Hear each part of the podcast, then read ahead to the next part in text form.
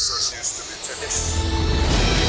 Some of the best speakers in the world. The purpose of business is not to maximize shareholder value. Whoever told you that, shoot them. It brings together so many people and creates this high energy environment. Powerful speakers, powerful audience.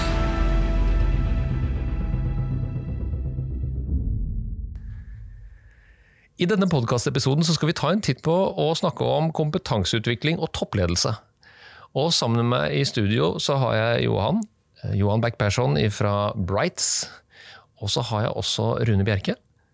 Velkommen begge to. Eh, begge to har vært i podkaststudioet til OBF-podden før. Og Rune, siden sist, hva, hva holder du på med om dagen? Det gjelder å holde hodet i sving, som, eh, som, jeg pleier å si. Og det gjør at jeg i tillegg til å sitte i styrer eh, i litt ulike bransjer, også jobber litt som rådgiver, coach. Er på Handelshøyskolen i Bergen eh, i en eh, løs stilling, og jeg treffer både studenter og eksekutiv som deltar på styreprogrammer og annet, så jeg prøver å gjøre det som er gøy. Strålende, takk. Og Johan, du var jo her sammen med din kollega Per Lager og snakket om upskill og reskill, en bok som vi har gått sin særsgang i Sverige, og som vi har fått oversatt til eh, norsk. Ikke, men eh, den, jeg har lest den på engelsk. Men vi har den tilgjengelig til de som ønsker seg den. Og alle som driver med kursing og programmer på bedriftsnivå, bør jo skaffe seg denne boken. Syns jeg, og du er vel enig i dette? Absolutt. Og hvorfor det? Det handler om å sette reskill og upskill i et større sammanhang og forstå at egentligen, okay, det er en rekrutteringsstrategi eller en kompetensstrategi ved siden av andre alternativ for å bygge kompetens. Så man kommer ikke fra at det er en strategi å anamma, men da må man forstå når passer det, hva er eh, return on investment, og når passer det ikke. Mm. Og så vet jeg at eh, Per i sin bok han setter jo dette med læring i sentrum, og det er vi alle enige i. Og det hører vi jo mye sånne nærmest litt sånn floskelaktige innganger på. Og noen ganger så lurer jeg på mm, om vi, Rune, skulle vært enda mer konkret. At fra et sånt styrerom og lederrom at man setter læring i fokus, det kan alle være enig i. Men så hva slags kompetanse skal man lære seg å tilegne seg, da? Det er jo kanskje styrerommets viktigste oppgave sammen med toppledelsen. og være i forkant når det gjelder å se endringer rundt virksomheten man sitter. Og de endringene som til enhver tid finner sted rundt produktene og tjenestene eh, man står for, de vil jo også skape nye kompetansebehov litt lenger fremover i tid. Hvis man er bakpå der, så kan man få en konkurranseulempe. Hvis man klarer å se trendene tidlig, og så klarer å tilpasse kompetansebehovet til de trendene som åpenbart slår inn, så kan man få et konkurransefortrinn. Hvor langt fram da, Rune?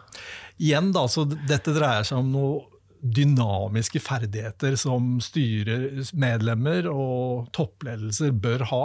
Og det dreier seg egentlig om å være i stand til å se ikke for langt fremover, men kanskje to, tre, fire år. Fordi hvis man prøver å kikke for langt fremover i tid, så ser man inn i tåkehavet eller det uvisse. Men basert på det som det er mulig å se, så er bare det å ha to-tre års innsikt det er veldig viktig i forhold til å forberede seg på å skaffe ny kompetanse på den ene eller andre måten.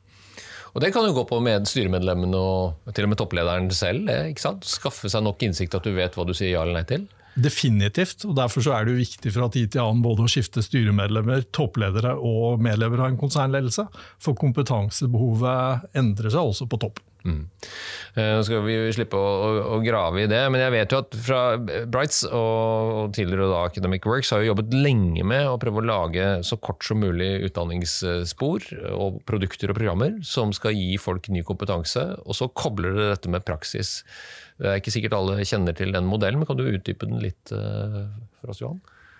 Ja, Vi har hentet konseptet egentlig fra från USA helt från början. Det där med coding bootcamps växt fram som en ganska naturlig, ja, ett naturligt alternativ till att kanske ta en, en bachelor om man är intresserad av att komma in på, på teknologi eller andra framåtväxande roller. Så det vi har sett på är ju att tar i regel kanske en 480 timmar man pratar om för att kunna skapa en instegsroll eller juniorroll.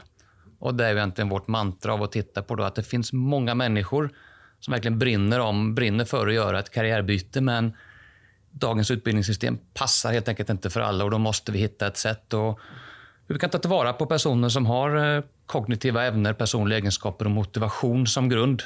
Och då måste vi också ut, utfordra egentligen det etablerade och synen på det där med ja, du måste ha master för att kunna bli en teknologistjärna.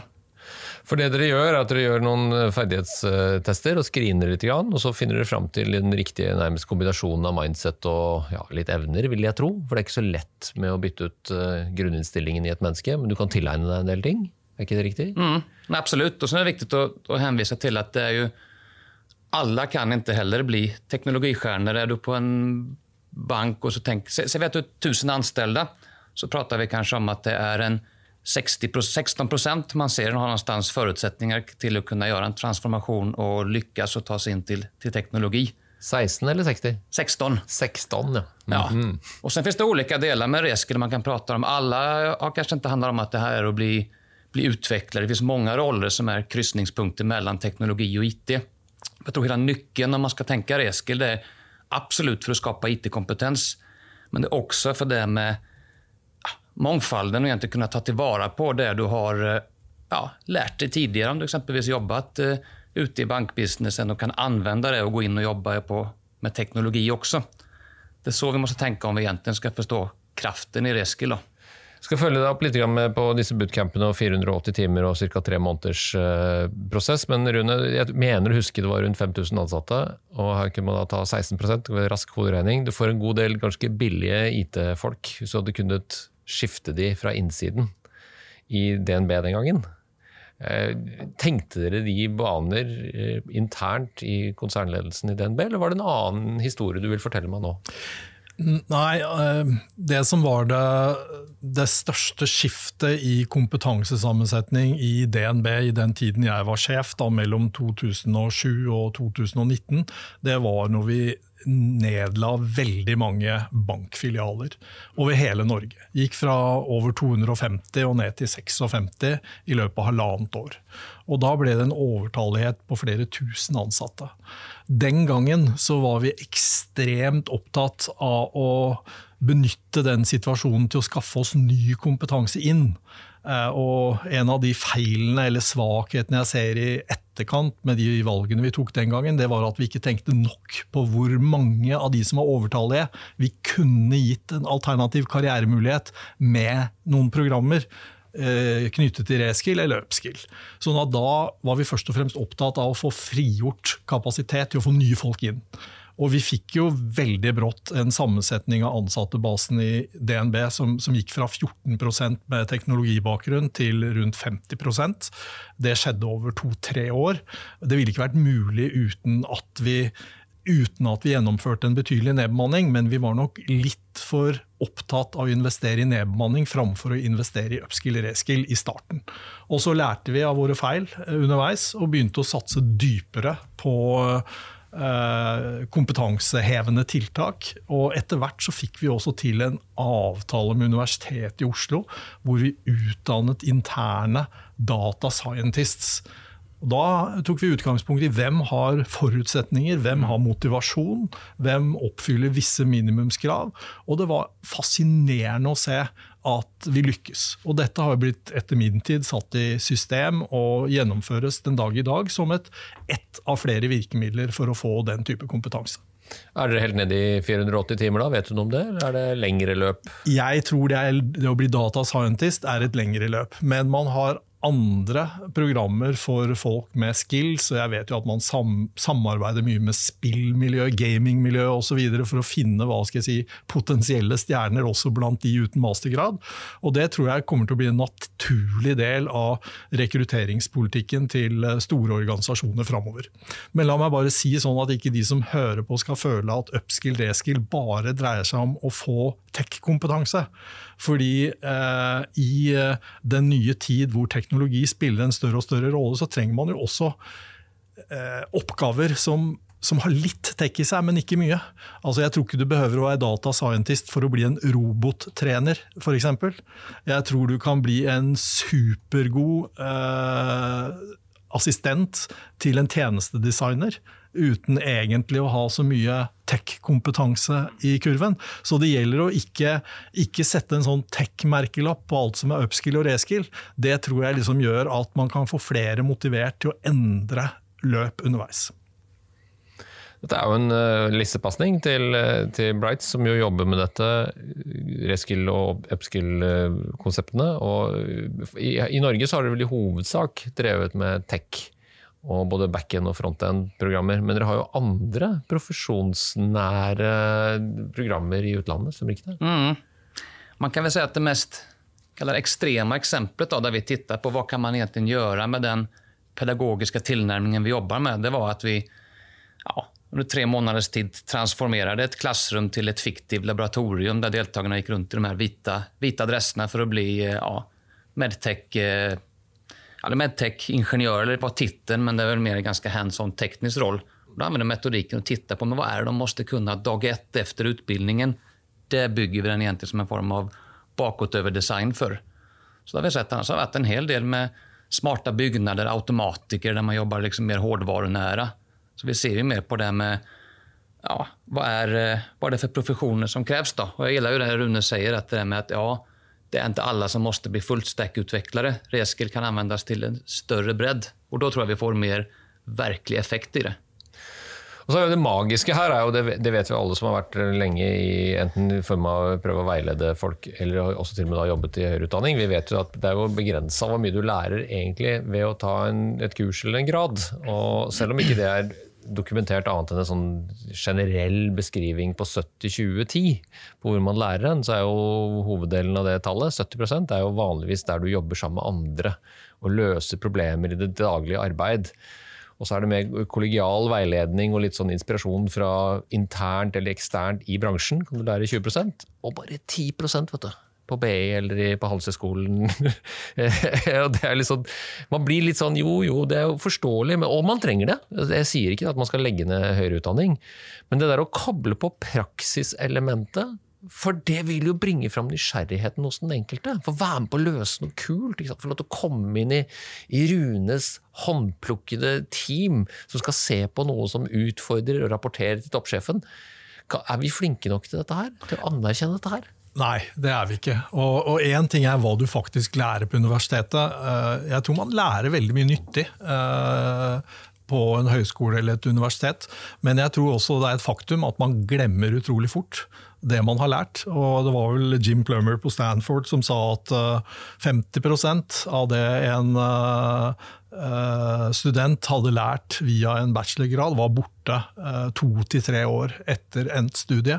Og det er jo åpenbart at det du lærer i den første jobben din, andre jobben din, det du tilegner deg av det som, som du trenger for å, for å, lykkes i funksjonen, det er ting som du ikke nødvendigvis lærer på universitetet. Og det er der du må finne en bedre balanse, da, sånn at du ikke krever mastergrad til alle typer stillinger, men at du åpner opp også for en variasjon i bakgrunnen til de du rekrutterer. Møter du det der når dere er ute hos kunder og, og jobber med partnere om dette med master? De vurderer disse, denne kompetansen man kan få gjennom en sånn bootcamp, eller ja, hva skal man kalle det? On job training eh, tilpassa. Og så, jo, men hvordan er det i forhold til en uh, IT-kompetanse fra NTNU eller fra et eller annet fancy utenlandsk universitet? Mm, det er jo løpende. Og det, jeg mener at det er jo mye positivt med med det med å ha en master også. Jeg tror en av utfordringene handler om at man også kanskje en viss skjevfordeling også utnyttjar man dem med master verkligen maximalt. da. Tar man mye koding så er det jo tilbake i tiden at okay, men man har kanskje hatt brist på andre mennesker som har kunnet hjelpe til å gjøre det også. og de har liksom haft eh, veldig mye arbeidsoppgifter som også kanskje har vært av litt lavere kompleksitet. Jeg tror at vi kan også heve dem med master gjennom å bygge en annen kompetens rundt. Men sen också en viktig del handler om kulturen, tror jeg. 80% av bedriftene sier at de skal satse på reskill kommende ett og et halvt åren. Ja, men det er en stor gap egentlig rundt det med virkelig være redo for å ha kulturen for det. Kulturen for de lederne som slipper dem som går et reskillprogram. Men like mye de andre ansatte som har en masterbakgrunn.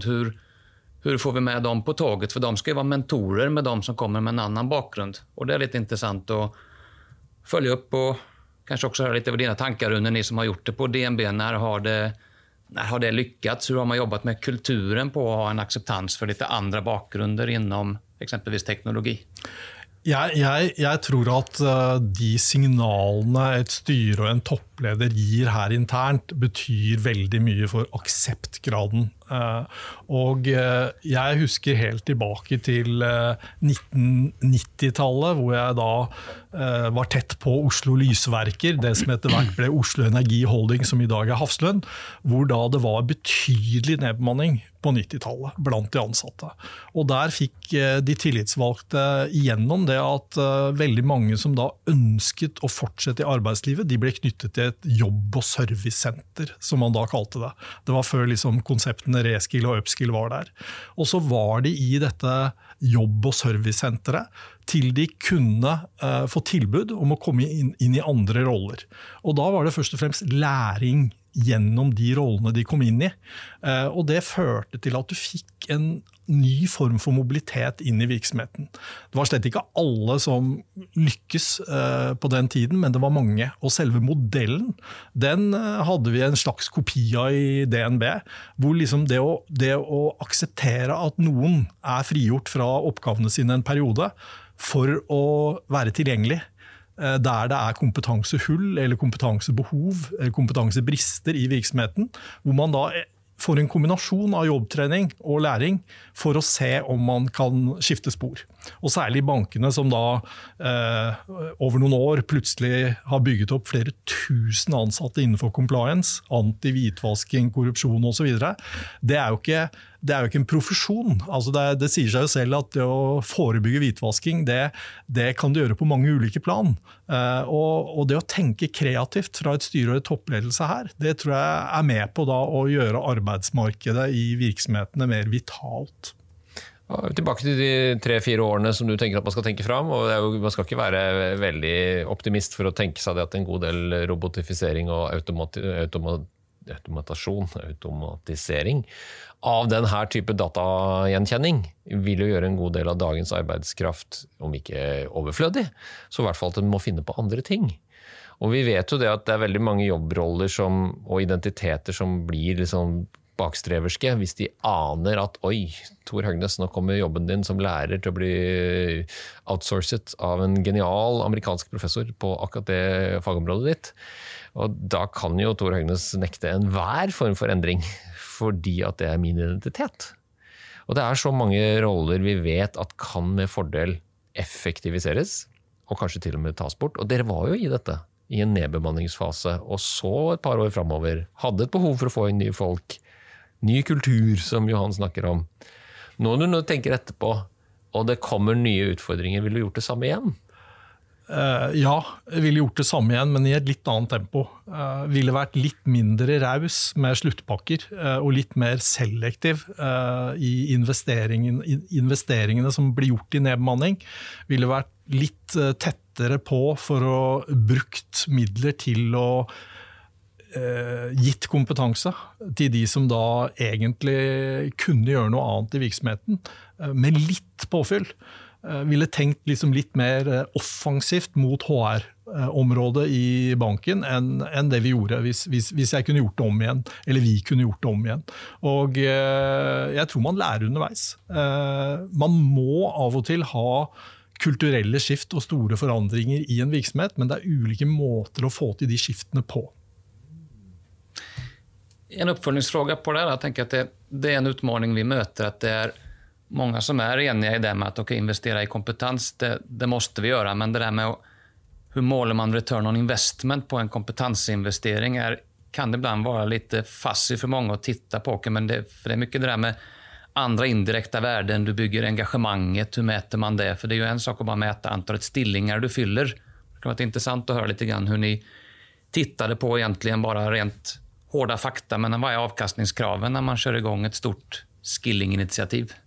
Jeg tror nok eh, i eh, den spede begynnelse når virksomheter i Norge begynte å satse mye på upskill og reskill. Eh, og det er ikke så veldig lenge siden de begrepene kom på, eh, inn i PowerPoint-presentasjonene. Altså Du skal eh, maks fem, seks, sju år eh, før man prater om eh, hva skal jeg si, kompetansehevingstiltak, kanskje, men ikke upskill og reskill. Eh, Men når først satsingen på upskill og reskill kom, så tror jeg man var mer opptatt av å lykkes i aktivitetene. Eh, Måle da på antall personer man faktisk fikk inn i nye jobber, enn å sette et avkastningskrav eh, basert på finansielle prinsipper. Men dette utvikler seg jo eh, over tid, og etter hvert så begynner man jo selvsagt å måle. Altså hva koster det å utdanne 20 data scientists i DNB, og hva er effekten hva er effekten av å gjøre det på verdiskapningen og på eh, bidraget fra disse ansattes side til den avdelingen der de jobber. Så du blir, du blir med tiden så blir man også flinkere til å måle. Tradisjonelle målinger med, av medarbeider, medarbeidertilfredshet, det har man jo hele tiden. Og der kan, du, der kan du lett se endringene. Men akkurat den finansielle biten av det tror jeg vil bli mer sofistikert og målbar underveis. I starten må man akseptere at man må ta noen sjanser, fordi man føler at det er riktig å gi flere av de som har jobbet lenge i en virksomhet, en ny sjanse. Men er dette her også et sånt um, høna og egg-dilemma? Altså, Hva skal komme først? Skal det være et behov der, eller skal det være noen som klarsynte som har sett det at nei, nå kommer ut et egg her, og det blir til en, ja, akkurat det man trenger i virksomheten? Og så opplever jeg at du er litt inne på det med krisehåndteringen. At det er en mulighet i den nedbemanningen eller omstillingen. Men hva tenker du om høna og egg-metaforen min, Ivan? Nei, jeg tror jo det der med proaktiviteten i det er en utmaning. För många gånger väntar du till att okej, okay, nu börjar de här rollerna kanske försvinna. Och då kan det många gånger vara egentligen för, för sent. Så det handlar om den proaktiviteten. Så jag tror man sitter där och tänker vad är det vi måste göra på kort sikt? Istället för att starta egentligen kanske mindre omfång, lite mer löpande, så kanske det är risk att man tittar på att okay, men du måste ha ett stort initiativ när alla ska göra skiftet. Men det är egentligen den där löpande hela tiden som är en del. Ja, visst, ja. Men jeg, jeg, tror her at uh, man må satse på flere ting parallelt. da. Uh, og nå tar jeg utgangspunkt i bankerfaringen min. altså Det var jo i, i ingen tvil om at i 2009, 10 og 11 så så man digitaliseringen av banktjenestene komme uh, for fullt. Da skjønte man jo at man hadde et enormt behov for mer teknisk kompetanse i virksomheten. Og det å skaffe seg den kunne man jo gjøre på ulik vis. Man kunne satse på reskill upskill. Man ville aldri kommet langt nok bare gjennom det. Man måtte samtidig satse på en enorm eh, endring i rekrutteringsprofilen. Man måtte satse på insourcing av ekstern arbeidskraft, og også import av arbeidskraft fra land og markeder hvor det var tilgjengelige ressurser. Og, og, man måtte gjøre alt samtidig for å prøve å fylle det gapet som hadde oppstått. Det som du kan si i ettertid, er at man burde vært tidligere ute til å se gapet eller behovet. Da ville man kanskje eh, investert på en klokere og billigere måte. Men her er det igjen da, om å gjøre for topplederen, for styret, for ledergruppa og for, for alle i en virksomhet å være gode på det, se hva som kommer. Sett tilbake så burde man jo burde man jo se eksempelvis den, den enorme endringen i behov for compliance eller etterlevelseskompetanse. Ikke bare i banker og finansinstitusjoner, men i hele, hele næringslivet.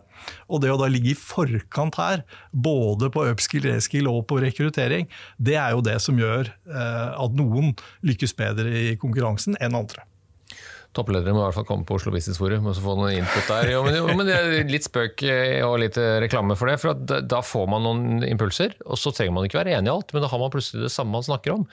Jeg er jo så heldig å få besøk av masse flinke folk, men det er ikke alltid jeg opplever at vi helt klarer å snakke om de samme tingene.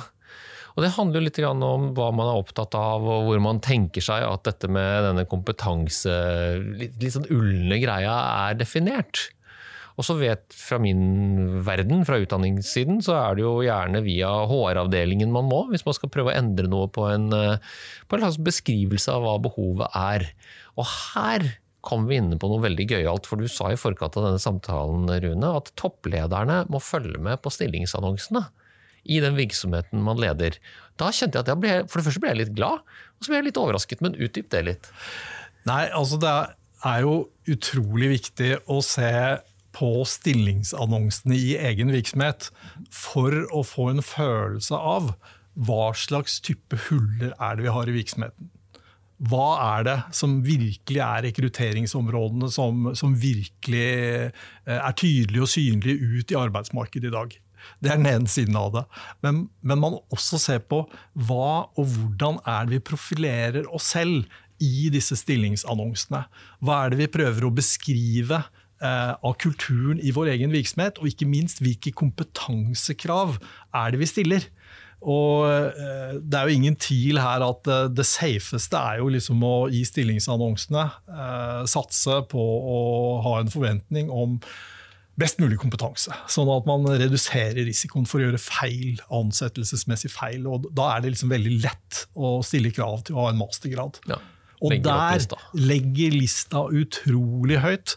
Og der kan topplederne kanskje se at her er vi vel litt for ambisiøse i kompetansekravene våre, og kanskje gjennom det man ser i disse stillingsannonsene, ha en litt tøffere og friskere og finere diskusjon med både HR-enheten, men ikke minst også de som leverer input i HR-enheten fra linjen.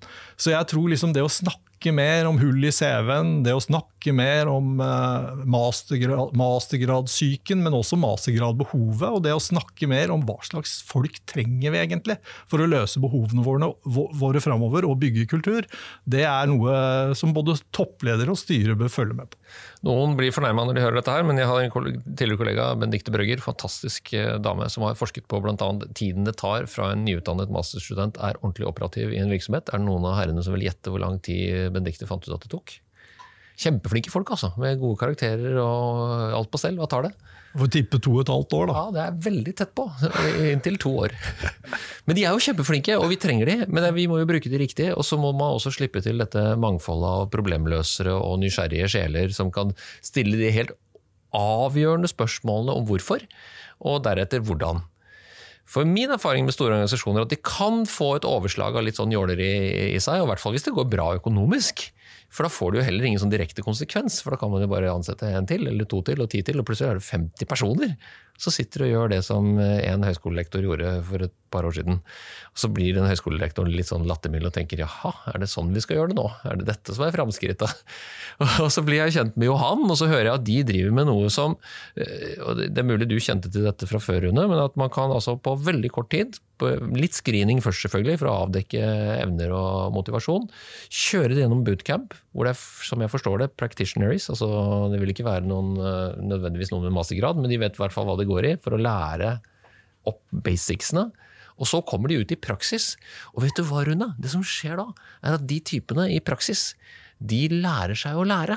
Så de tar jo igjen de der bachelor- og masterstudentene ganske raskt etterpå. Ikke sant? Er det riktig fortolket? Og det her blir jeg jo helt euforisk, ikke sant? For det er jo rom for så mange flere talenter som viser evne til å ta til seg læring. Ikke sant? Så kan man legge til at det er fortfarande, Selv om det kan låta ekstremt, så er det så at vi, vi har jo å siden det er jo mange som har en master, men kanskje også et annet felt. da, Der man tittar på er bare at det er det der okej, det kanskje ikke er exakt din tre til fem år eh, NTNU du har gått en computer science, men det er mange som sitter der og har läst eh, en studie og kjenner at nej, men hade jag valt på nytt så hade jag valt någonting helt annat. Det är faktiskt 40 procent av Norges arbetsföra befolkning som hade valt en ny utbildning om de fick välja på nytt. Så det innebär ju att ja, det är... Sen är ju då frågan, ja, är det egentligen då upskill, reskill? Det är väldigt närliggande, men bara egentligen en ny, kallar det ny karriärriktning eller ett nytt karriärlöft då, som är huvuddelen. Så vi tittar inte så mycket. Det, och det gjør en ganska spännande dynamik i klassrummet att du har personer som är mer teoretiska, kommer med en master. Vi hadde noen kandidat som hadde master med rymdteknik. Og så har vi noen som har vært mer praktisk, en skidskytt. Og begge har vært liksom veldig dyktige på olika sett. Då. Ja, for dere har klasseroms, klasseromsundervisning. ikke sant? Så Man kommer der og holder på. Kan følge det online, har jeg skjønt også, men det er et sånn fysisk klasserom som i gamle dager. ja. Nei, altså jeg, jeg tror veldig mye på ulike metoder for eh, hva skal jeg si, pre-screening av de som skal inn i stillinger eller inn i internship-programmer eller trainee-programmer. Og En av de tingene jeg heldigvis fikk lov å være med på som toppleder, det var å intervjue kandidater til vårt trainee-program. Og jeg så jo at uh, vi kunne velge på øverste hylle de som hadde best karakterer. De som da i tillegg til å ha best karakterer også hadde norgesmesterskapstitler i fotball i uh, mange forskjellige idrettsgrener og hadde frivillighetsarbeid på CV-en, så du liksom lurte på hvordan de hadde rukket alt dette i den alderen de hadde. Men det som ikke liksom kom fram så godt på disse CV-ene, det var jo liksom dosen av street smartness som, som, disse personene hadde med seg. Og du kan være utrolig god på papiret, men være blottet for street smartness eller blottet for uh, hva skal jeg si, det jeg vil kalle human skills. Da. Og Det er jo derfor jeg tror man med prescreening og med litt annen type vektlegging på spekter av egenskaper, da, som du kan få gjennom en bootcamp eller som du kan få gjennom et, et program, er så utrolig viktig. Ikke for å snakke ned formell utdanning eller ikke for å snakke ned karakterer, men for å snakke opp veldig mange andre som verken har gradene eller karakterene. Ja, jeg blir veldig glad. Og det hadde jo vært veldig gøy å være med deg som, eh, som jobb, jobbskygge gjennom en uke i de styrerommene du er i, og sjekke ut Street Smart nesten rundt omkring. For jeg aner meg at det er mye flinke folk, men så lurer jeg også av og til på hvor fort går det å tilegne seg den kritiske kompetansen vi trenger nå framover. For det er jo dere er med på å ta beslutningene. Samtidig som dere også forvalter et, eh, veldig, det er et stort ansvar. Eh, tenker du mye på dette, Rune? Altså Holde deg oppdatert og, søke råd og, få liksom impulser? Det håper jeg, håper jeg, at jeg gjør mitt ytterste for å, for å i hvert fall forsøke. Eh, men det er jo ingen tvil at liksom, i et styrerom så blir du litt fjernere eh, enn du blir som toppleder. Og toppled, toppledelse, medlemmer av en konsernledelse eller nivå tre-leder i en organisasjon, det gir en form for nærhet. da til både til arbeidsmarkedet og eh, de ansatte, som, eh, som, det må spilles på. Derfor så tror jeg at styrets oppgave, primæroppgave det er å liksom sørge for å gi konstruktiv input til disse succession-programmene som er, til talentpoolene, til liksom rekrutteringspolicyen, til employer branding-aktivitetene. Altså gi det vi kaller konstruktiv input her gjennom styre, styrerommet. Det er liksom så langt kanskje et styre kan nå, men så er det liksom toppledelsens ansvar å gå ett eller to skritt lenger. da. Ja, Det er veldig fint oppsummert, og det gir jo et bilde for den som nå lurer litt på hvordan, er, eh, hvordan ansvaret er fordelt. Men jeg tror jo med alt det jeg har hørt deg snakke om nå, at du, du, gjør jo det du kan for å følge med her. Og gitt det kommer en ny ordentlig stor nedbemanning, Rune, så håper jeg å høre deg tydelig. Eh, at her må man jo være floskelmessig 'don't waste a good crisis', men at det er for å akselerere den læringen. Både hos organisasjonen og hos de som vil. Og så blir det jo spennende å se om utdanningsinstitusjonene da, tar den ballen og den utfordringen det blir. Eller at de sitter og klapper i hendene. For det vet vi jo at utdanning er jo motsyklisk.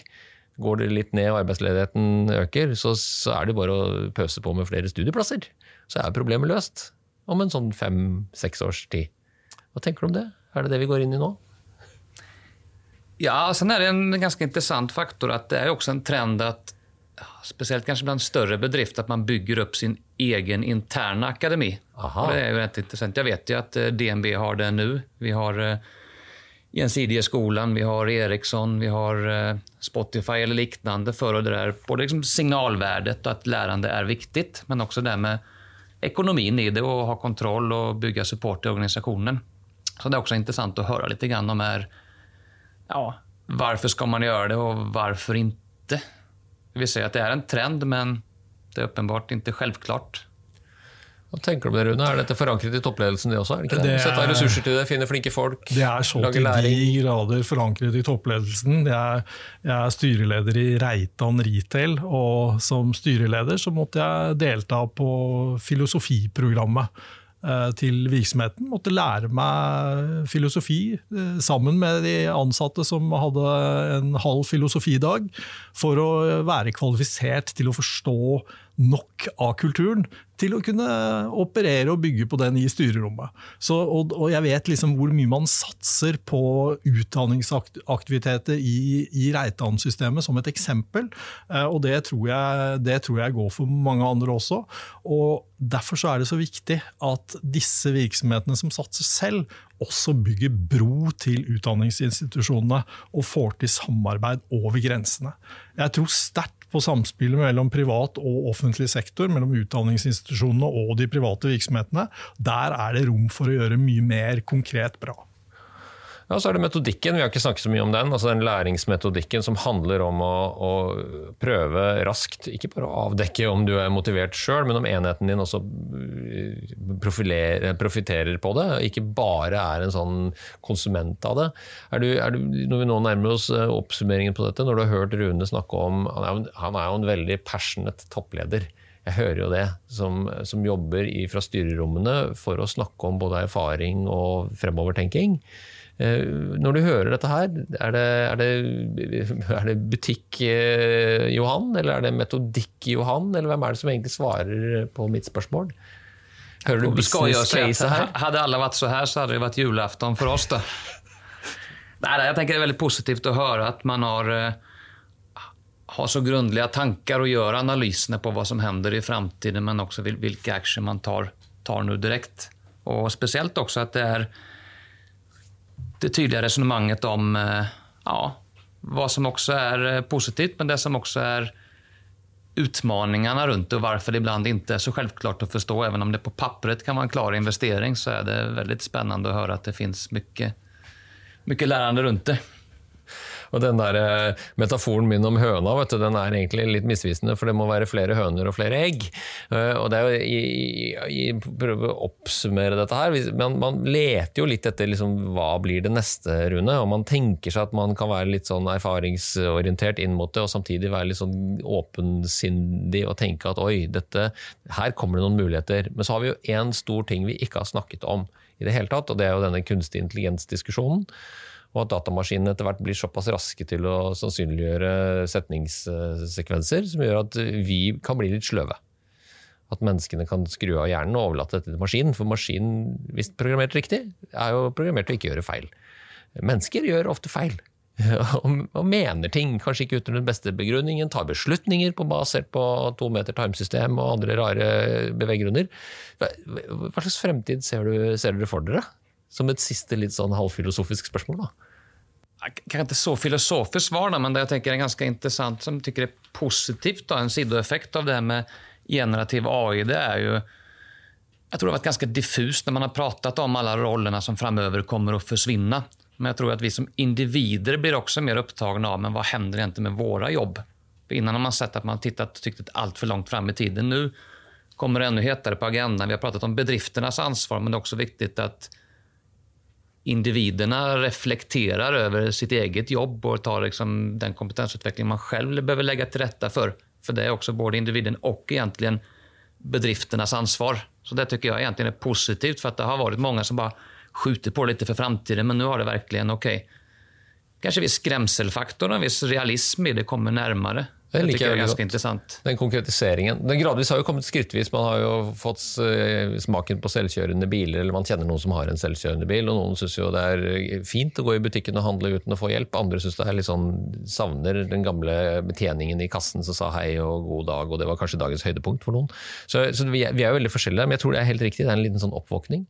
Og da vil man jo kunne eh, finne ut av det sjøl, hvordan man stiller seg til det. Hva tenker du Rune om denne utviklingen? Nei, altså når Bill Gates gikk ut og sa at det vi ser nå innenfor eh, kunstig intelligens og uh, chat-GPT og det slike er liksom ny revolusjon som er like stor som uh, smarttelefon eller desktopen eller de første plattformene for internett osv., så, videre, så så er det klart at det gjør et voldsomt inntrykk på ledere og styrer rundt omkring i, i Næringslivs-Norge, men også offentlig sektor. Personlig så, så, tror jeg dette kommer som en mer naturlig del av utviklingen. Altså det er lenge Bedriftene har jobbet lenge med kunstig intelligens i forhold til behandling av kunder. Eh, kunderobotene har, liksom, har vært eh, forsøkt trent opp godt, i hvert fall i åtte åtte år. Eh, så dette er liksom et mindre sjokk på mange enn det man kan få inntrykk av da, når man hører Bill Gates eller, eller ser hvordan da ChatGPT kan brukes i dag. Personlig er jeg egentlig mest opptatt av det grønne skiftet. Fordi jeg tror vi ligger så langt etter i forhold til å nå de målene som man har satt, både nasjonalt her i Norge, men også globalt, at der må det skje så ufattelig mye på kort tid hvis ikke man skal møte enda mye større miljømessige utfordringer. Så jeg ville tenkt som så at nå må vi passe på at vi ser liksom hvor mye kompetanse, teft og businessaktivitet som må ledes inn mot det skiftet, som bare kommer til å akselerere i, eh, i hastighet. For der vil det bli enorme behov eh, som ikke er dekket i dag, hvis, hvis, hvis, hvis, vi ikke skal bli så skadet som nasjon og klode eh, at det egentlig ikke er bra for de kommende generasjonene. Så jeg er, mer, jeg er mer på det sporet når jeg ser hvor treigt ting går. Og det irriterer meg så voldsomt hvor treigt ting går når vi ser hva det er behov for. Så her vil jeg, her vil jeg brukt mer tid og kraft da, hvis jeg hadde vært operativ leder i dag. Jeg vet at veldig mange ledere jobber kjempegodt med det, men som samfunn jobber vi ikke godt nok. Jeg kan gi deg et lesetips i sommerferien, eller egentlig før det. Les, Last ned den siste Zero-rapporten. Eh, Sigrun og gjengen har jo regnet på hva det vil koste oss, men også hva vi har av framtidige inntekter på bare den økende CO2-avgiften. Og Det er et veldig interessant regnestykke, for det går i pluss. Eh, og det er fortsatt tid, men det begynner å haste. Så jeg er helt enig, og vi blir, vi blir altfor opptatt av å snakke om en så stor elefant at den ikke blir håndgripelig. Som litt kompetanse er også. ikke sant? Det er litt, det litt beslekta, faktisk, de to tematikkene. Og det er andre gangen eh, ja, jeg som podkastvert skal avslutte en samtale, og hvor bærekraft blir trukket opp av hatten som en sånn det er helt umulig å avslutte. Forrige gang var forsvarssjefen, gjorde akkurat det samme, Rune, så det er et godt selskap. Og det setter meg jo helt ut, for jeg blir jo veldig glad og entusiastisk, men det er mulig å gjøre noe med det. Og idet vi gir opp, og litt sånn er det med kompetanse også, vi står alle, alle hver eneste dag overfor bitte små mikrovalg hvor vi kan ta inn over oss at oi, dette kan jeg ikke, dette overrasket meg. Og så kan jeg prøve å ha sånn denial-holdning til det, og prøve at det går over av seg sjøl. Bli en struts. Eh, men det som også er kombinasjonen av det vi har snakket om her, det er boken til Per, som jeg også vil anbefale til de som hører på nå. Den har et sånt fyrhusmetaforisk læringsopplegg. Hvor du har sånn fyr, lighthouse, altså fyrtårnet. Mens du snakker om toppledelse som signalleder, som jo er det samme. Altså det er jo toppledelsen som må gi det der lysbeaconet og så må vi andre dødelige vi må jo skjønne at okay, enten må vi følge etter, eller så må vi gjemme oss. Og Noen ganger så tenker jeg på at de, de mikrovalgene våre, folkens, det starter med oss sjøl. Det er sånn floskel.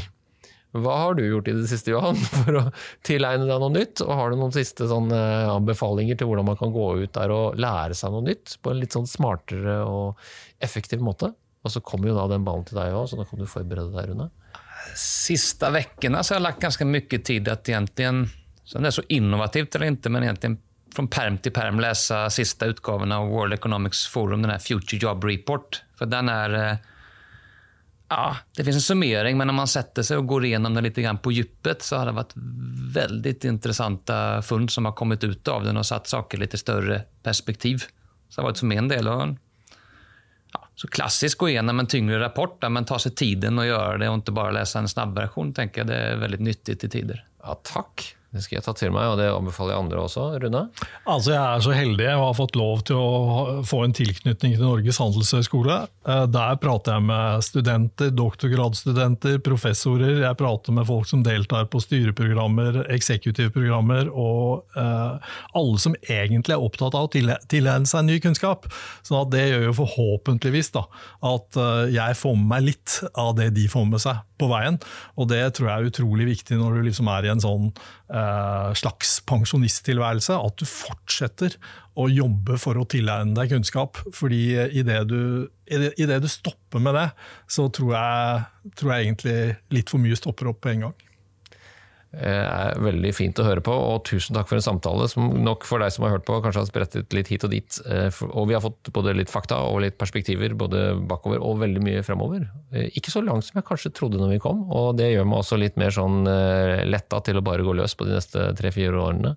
Så ses vi igjen, mine herrer. Takk for en veldig hyggelig samtale, og god sommer. Takk for det. Takk selv. Some of the best speakers in the world. The purpose of business is not to maximize shareholder value. Whoever told you that, shoot them. It brings together so many people and creates this high energy environment. Powerful speakers, powerful audience.